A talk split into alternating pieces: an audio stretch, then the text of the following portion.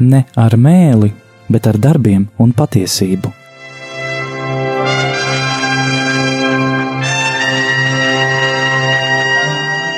Atvērsim svētos rakstus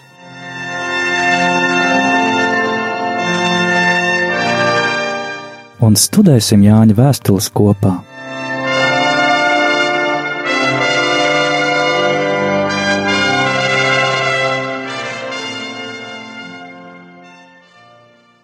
Ir slavēts Jēzus Kristus, studijā pēc kāda pārtraukuma atkal ir Stela un Anžela.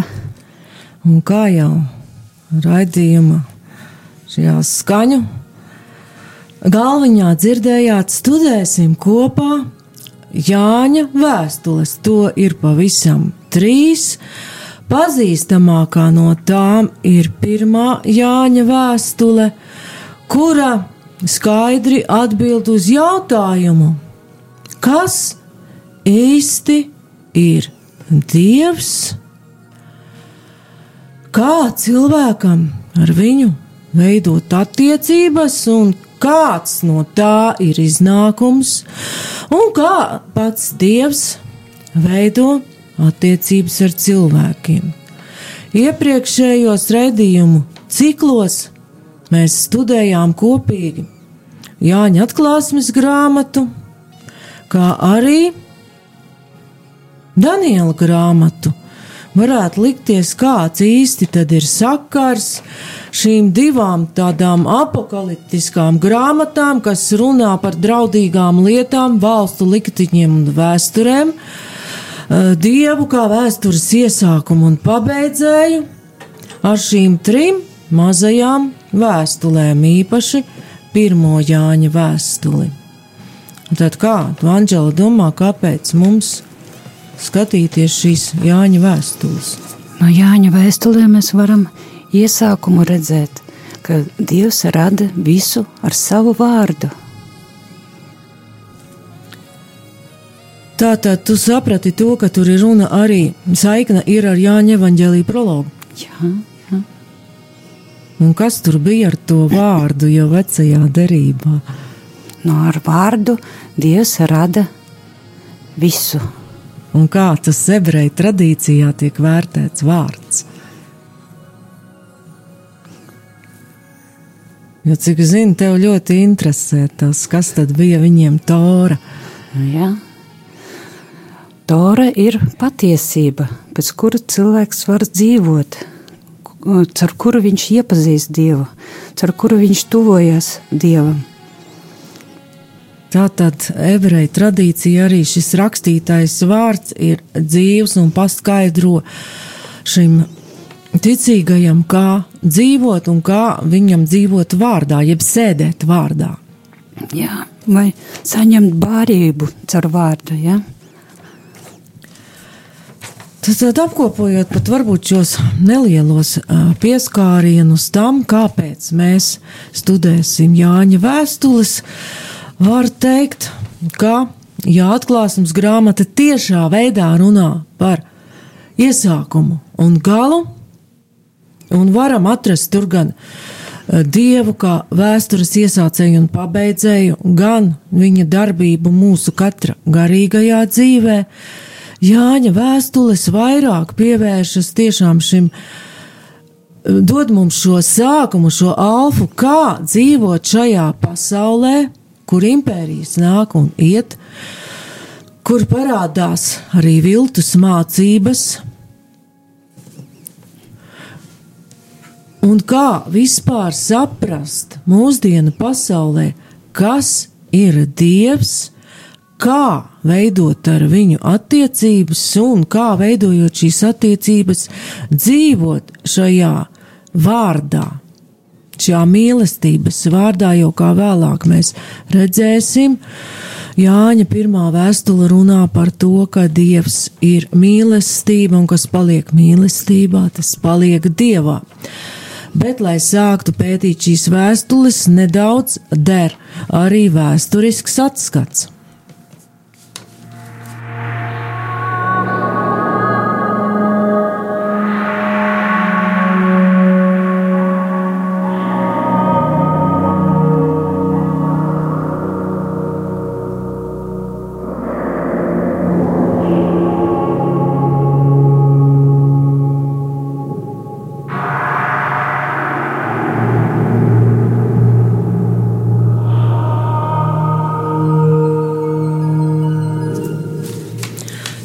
Trīs Jāņa vēstules, viena no tām garāka, piecas nodaļas, un otrā un trešā Jāņa vēstule tādas diezgan īsas. Pirmā Jāņa vēstule, kur arī lasīsim pirmo, ir interesanti arī to, ka tai īsti nav tā laika kultūrā, sarakstei, vēstulēm raksturīgās uzrunas un nobeiguma. Interesanta ir arī uzruna Jāņa otrajā vēstulē. Es, presbiteris, izredzētajai nama mātei un viņas bērniem, ko es patiesi mīlu.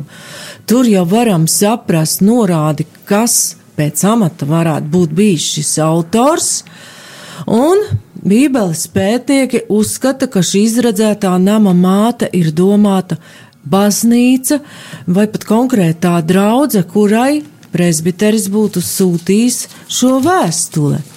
Un trešā Jāņa vēstule arī ir uzruna es, presbiteris, savam mīļotajam gajam, ko es mīlu patiesībā.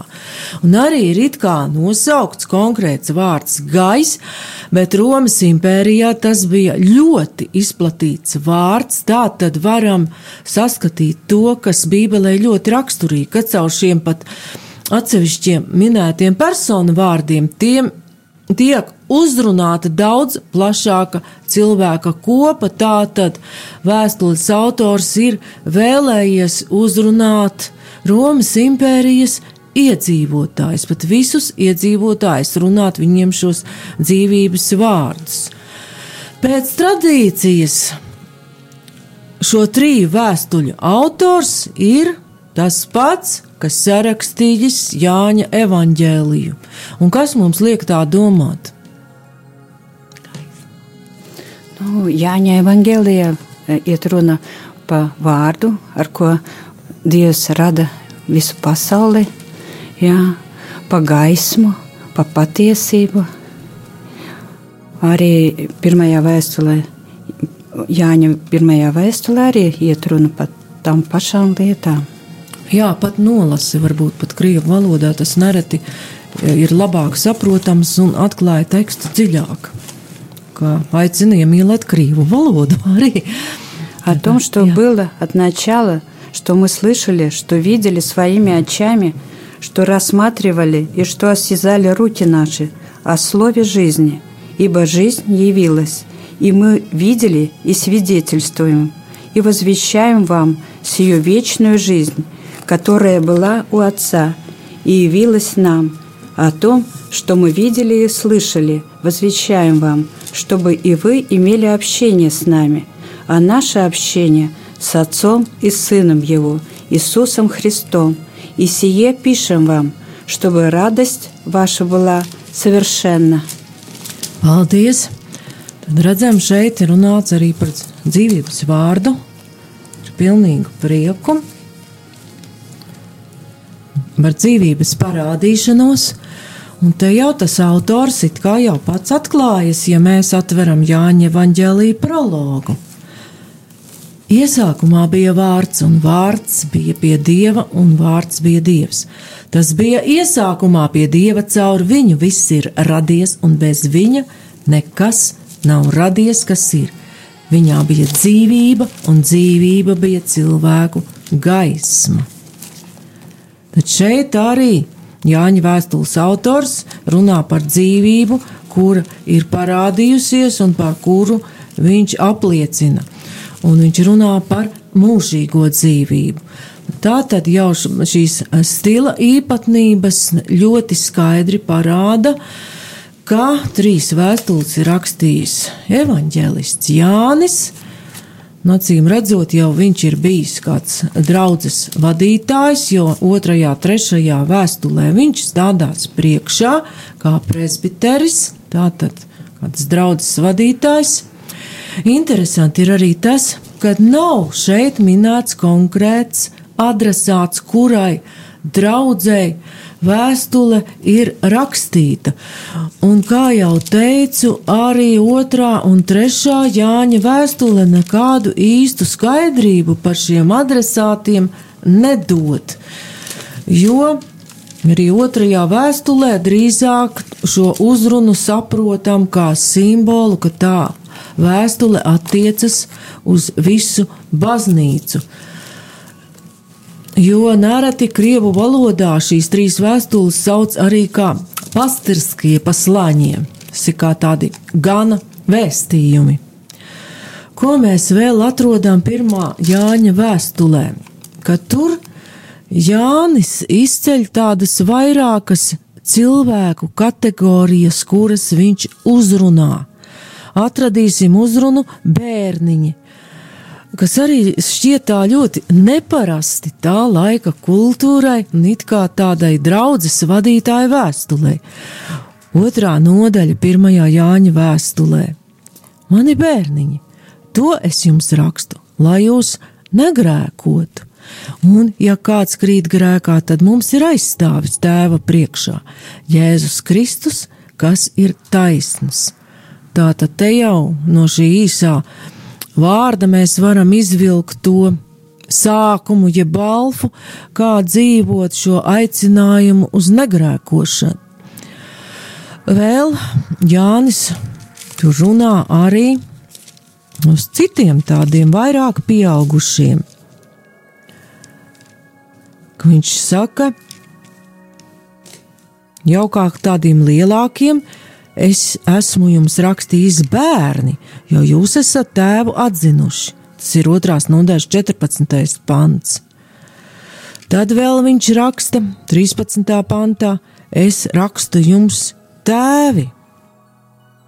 Tad vēl šeit tēvi ir minēti. Vēl mēs redzam 14. pants. Otrā nodaļā, pirmā Jāņa vēstulē, es jums rakst, esmu jums rakstījis, bērni, ka jūs esat tēvu atzinuši. Es esmu jums rakstījis tēvi, jo jūs esat atzinuši viņu, kas ir no sākuma. Es esmu jums rakstījis jaunekļi, jo jūs esat stipri, un Dieva vārds paliek jūsos, un jūs ļauno esat uzvarējuši. Tātad mēs redzam šeit tādas vairākas cilvēku kategorijas ir bērniņi, bērni, jaunekļi, tēvi. No tā teikuma es jums esmu rakstījis, var saprast, ka šis presbiteris Jānis no visa teksta triju vēstuļu kopā mēs tā varētu autoru saukt, ir rakstījis jau vairāk kārt un uzrunājušas visas šīs cilvēku kategorijas. Un ņemot vērā tā laika nepārāk plašo pieejamību izglītībai, un vai nu tur visi mazi bērni prata rakstīt, mēs varam arī izdarīt vēl kādu secinājumu, ka šis presbiteris Jānis uzrunā cilvēkus ar, kā mēs varētu domāt, kas tas ir, ar dažādām ticības attīstības pakāpēm. Tātad tiem bērniņi ir tie, kas varbūt ir nulle atgriezušies, tik, tikko sākuši sadraudzību ar Kristu, varbūt tie vēl ir tikai katehumēni un gatavojas kristībām. Tad ir jau kādi, kur tādiem var dot tikai apustulis Pāvils teiktu tikai pienu. Ir tādi, kas ir jau tikuši šajā ticības ceļā tālāk, bērni, Ir kādi jau, kas ir tādi nobrieduši, ticības ceļā ir spēcīgi pastāvēt par savu ticību, tie ir jaunekļi, un tur šis jauneklis ir simbols, kas ietver. Un arī tie bērni, un bērni ietver gan sievietes, gan vīriešus, tie ir šīs draudzes piedarīgi, un ir arī tēvi, kuri jau ir ielikumi nobrieduši ticībā un var ar savu mācību un pamācību atbalstīt tos jaunekļus, bērnus un bērniņus. Pašas vēstules visticamāk ir sarakstītas vai nu nedaudz pirms vai pēc Jāņa evaņģēlija, tātad tuvu jau pirmā gadsimta beigām, un nedaudz ielūkosimies arī tajā uzbūvē Uzbūve nav tāda ļoti skaidra un nodalīta, bet varam izšķirt prologu, kuru jau Anģela nolasīja, kuram ir šī nepārprotamā līdzība ar Jāņa evaņģēlija prologu. kurš parāda šo dzīvības vārdu. Tad ir tāds neliels ievads, pirmā nodaļa, no 5. panta, un no otrās nodaļas, 1.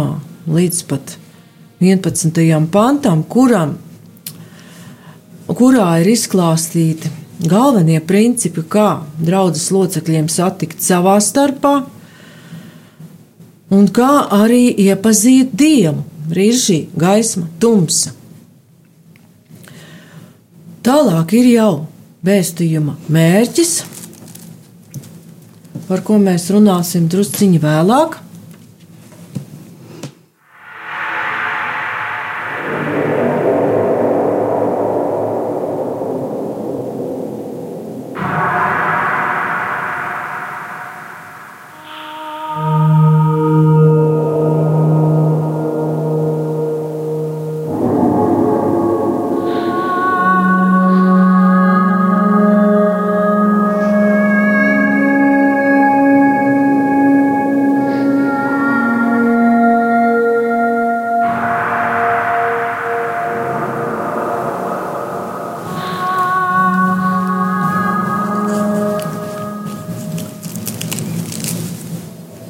Tā trešā sadaļa ir, kā jau minēju, vēstījuma mērķis, kur autors Jānis ņem vērā gan garīgo lasītāju situāciju, kā arī pasaules vilinājums, kā arī pievērš uzmanību, ka izplatās maldu mācības, un ir arī ilūzijas saistībā ar pēdējiem laikiem, jo nepārprotami Jāņa vēstules autors atgādina to pašu, runā par to pašu, par ko runāja apakalipses autors un arī uh, pravietis Daniels savā atklāsmēs.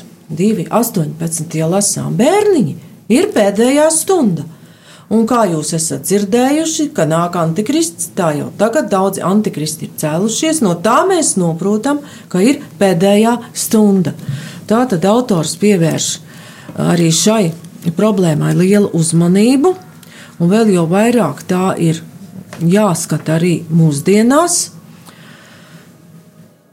Viņš ņem vērā arī kristieša pienākumu, šo adresāta, jeb draudzes pienākumu pastāvēt savā ticībā, un seko ceturtā, kas ir galvenā vēstījumā daļa kuras galvenās tēmas, viņa ir no 2. nodaļas 28. panta līdz 4. nodaļas 19. pantam, šīs galvenās tēmas ir kā pazīt dieva bērnus un vēlna bērnus, kā parādās mīlestība pret tuvāko un pret dievu, kas īsti ir mīlestība, kā tā parādās un ko ticīgajām dot mīlestību, ka viņš saņem dieva mīlestību, pats tiek mīlēts. Un kā pazīt, vai mūsos ir dieva klātbūtne, kā pazīt patiesības garu un kā atpazīt mīlestības dievu, kā arī vēstules autors izdara secinājums no šī tēmas aplūkojuma. Piekto daļu varam redzēt kā noslēgumu, kur autors runā par to, ka mīlestība attīra, māca mīlēt brāli, dod iespējas, spēku un tiesību, un ka tā ir arī darbībā. Un noslēdzas vēstījums ar epilogu, kas nav klasiskais vēstuļu noslēgums. Un šī mīlestība, par kuru runās, ka tuvosimies jau šim vēstules centram ir tā, par kuru apustulis runā tieši to, kas ir arī raidījuma cikla nosaukumā, ka tā neizpaužas ar skaistiem vārdiem, bet parādās darbos un patiesībā. Un varam sākt jau skatīties šīs Jāņa vēstules pirmo nodaļu, kas ir diezgan īsa. Un kur mēs redzam šo dzīvības vārdu? Dzīvība ir parādījusies, mēs esam redzējuši un apliecinām un pasludinām jums mūžīgo dzīvību. Tad dzīvība, vārds, un, ja lasām tālāk jau no 5. panta, pirmo nodaļu, atkal ir šī paralēle ar Jāņa evaņģēlīja prologu no 5. panta, ja lasām tālāk.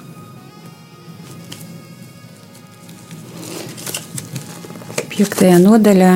Pirmais, pirmā nodaļa no 5. panta. Mm -hmm. ja mēs iesākam jau ar šo vārdu.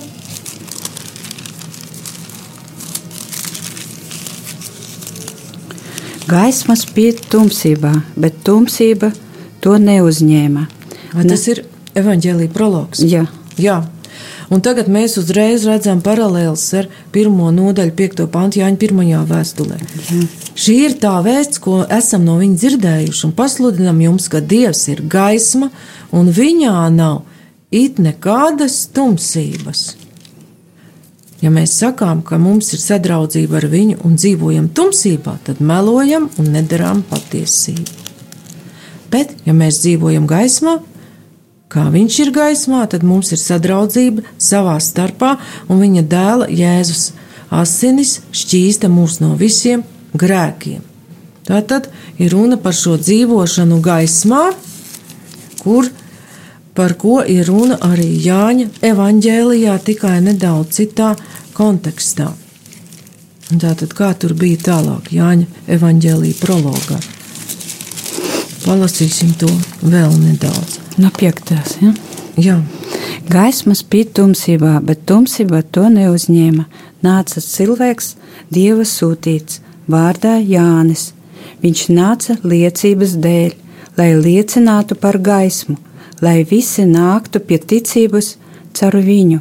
Viņš pats nebija gaisma, bet nāca, lai liecinātu par gaismu. Tas bija patiesais gaišums, kas nāca pasaulē kas apgaismo ikvienu cilvēku. Viņš bija pasaulē, un pasaule ar viņu radusies, bet pasaule viņu nepazina.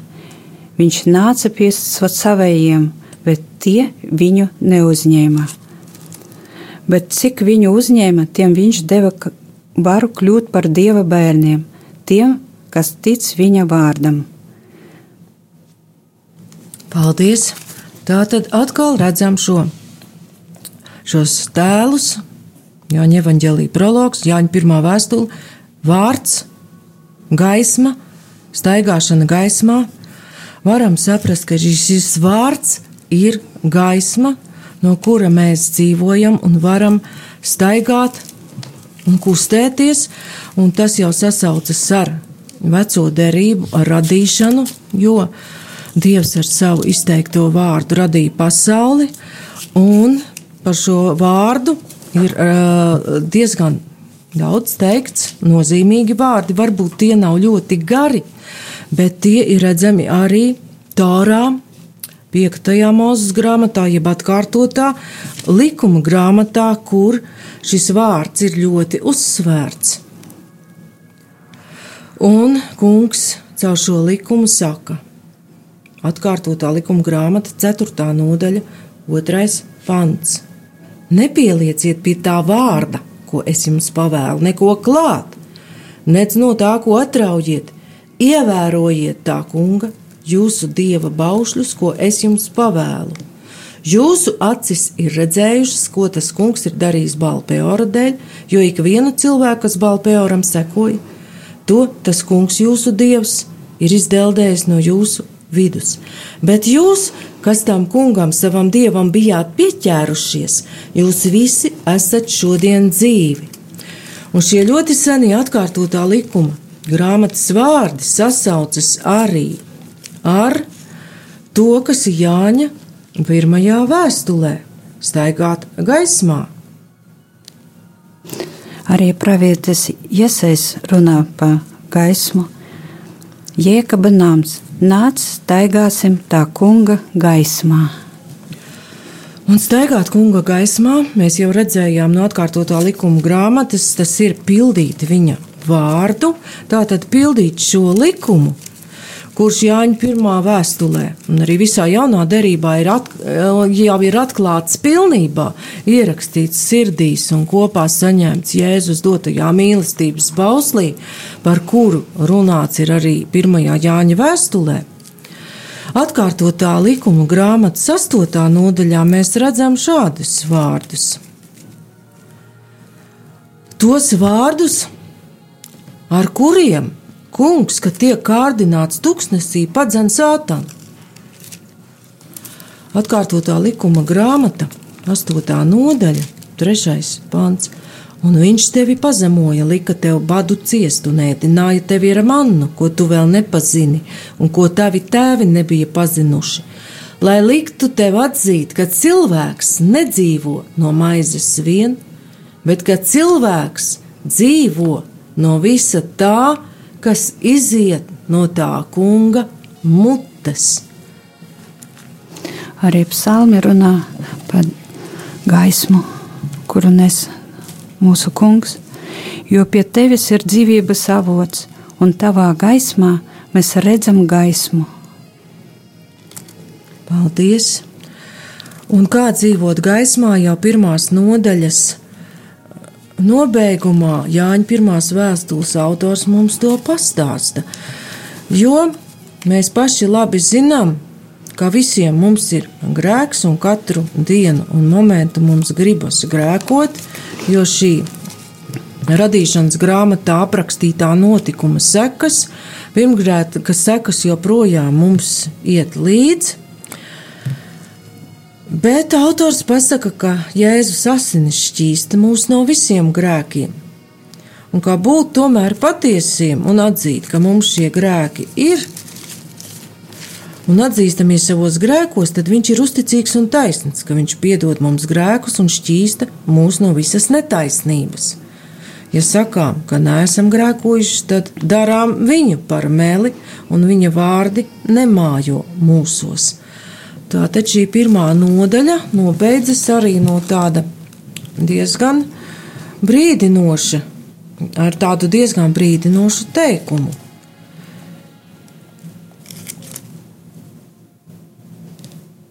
Jo arī apustulis Pāvils raksta, ka neviena taisna nav Mēs paši redzam pēc Jēzus Kristus dzīves, viņa nāves un augšām celšanās, ka viņš bija šis īstais taisnīgais, kas paņēma uz sevis visas pasaules grēku. Bet, ja mēs paši atzīstam sevi, ka esam absolūti pilnīgi bezgrēcīgi, tad mēs šādā veidā jau padarām pašu Dievu par meli. Un arī psalmā 32. teikts, Tad es atzinos tev savos grēkos un neapslēpu savas vainas. Es sacīju, es izsūdzēšu tam kungam savus pārkāpumus, un tu piedevi man manu grēka vainu. Un no psalma mēs varam jau iet uz Jāņa evaņģēlijas sesto nodaļu, kur kungs pats saka, Jēzus sacīja viņiem: Es esmu dzīvības maize, kas pie manis nāk, tam nesalks, un kas man tic, tam neslāps ne mūžam, bet es jums to esmu sacījis. Jūs to esat redzējuši, bet neticat. Katrs, ko tēvs man dod, nāk pie manis, un kas nāk pie manis, to es tiešām neatstumšu. Jo šis cilvēks, kas ir atzinis, ka ir nepilnīgs ar grēkiem, tas ir jau tēva dots pašam Kristum un viņš šo cilvēku neatstumj, bet dāvā viņam šo dzīvības maizi, par kuru mēs tagad jau zinām, ka tā ir evaharistija. Tātad, lūk, kādā ceļojumā mēs jau varam doties no vienas īsas, pirmā Jāņa vēstules nodaļas, bet nākamajā reizē jau mēs runāsim par otro nodaļu, kur šo tēmu un jau pieskaroties jaunajam bauslim, Jānis attīst tālāk. Studijā bija Stela un Anžela. Kristus ir augšām cēlies. Patiesi augšām cēlies.